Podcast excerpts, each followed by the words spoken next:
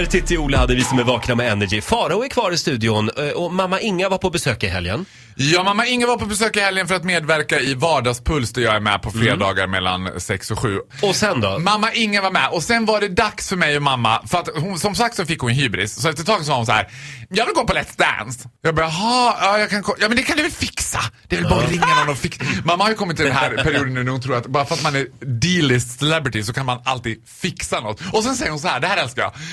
Om det är något teaterbiljett som är fullt, Ja, men kan inte Titti fixa det? mamma, mamma är väldigt svag för Titti, ska jag säga.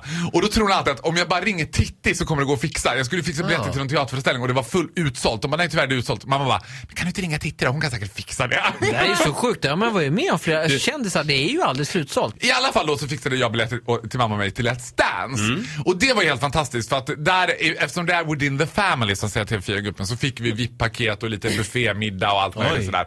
Och det var ju underbart att se mamma för mamma är ju också inte purung så hon har ju också en röst som i och för sig påminner ganska mycket om min egen. Så att den är ganska, den är en ganska hög röst. Hon är väldigt dålig på att viska. Far, först säger hon så här... Farao, hojta om det kommer någon kändis!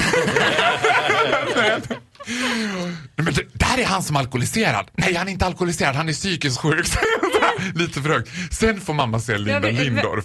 Mamma är ett stort fan av Bonde söker fru.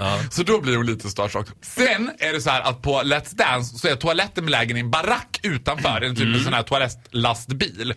Jag och mamma springer ut i pausen för att gå på den där toalettlastbilen. Det är jag, mamma, Linda Lindorff och Linda Lindorffs man som ska gå på toaletten samtidigt allihopa. När vi är där inne, plötsligt så bara dör strömmen. Det blir becksvart. Nej, men, Nej, oj, Och det är väldigt roligt, för då blir det knäpptyst sådär som det blir. Sen, två bås bort, hör jag Linda Lindorff. Hjälp! Peter! Peter, gå inte ut! Hjälp! Hjälp! Och jag tackar gud för Neverlight som jag har på min mobil då, så man kan tända Ja, som, som en ficklampa. Så jag börjar tända och då tycker mamma att det är läge att säga Linda! Jag tycker det är jättebra i Bonde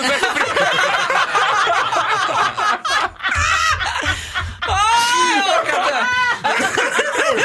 Gud. Ja, och Linda blev jätteglad. Hjälp! hjälp, Va? Ja, tack, tack, tack! Hjälp!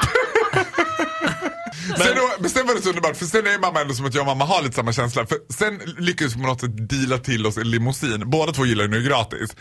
Och när vi stod där utanför och den limousinen kom och hämtade oss, så såg jag mamma bara, åh gode gud vad pinsamt. Åh gode gud vad pinsamt. För det finns ingenting pinsammare än när det kommer en vit limousin Nej. och hämtar upp utanför sådär. Och allra helst när allting spelas in i Silja-terminalerna där nere liksom i Värtahamnen. Och det kommer en vit limousin som åker upp som är stripad med leovegas.com. och jag och mamma och jag bara, ja, en gratis taxi till Alvik. Åkte redan hem till dig? ja, Fan, tänk att vara grannen och se vad är det som. Farao, något nytt på gång? Farao, Kändislivet kostar på för mamma. She is Ja. keeping Ja, jag förstår up det. with the Kardashians. Ja. tack för den här morgonen säger vi. Ja men tack så hemskt mycket själva. Hälsa mamma. Ja, Alltid. du får en applåd av oss. Ja. Hej då!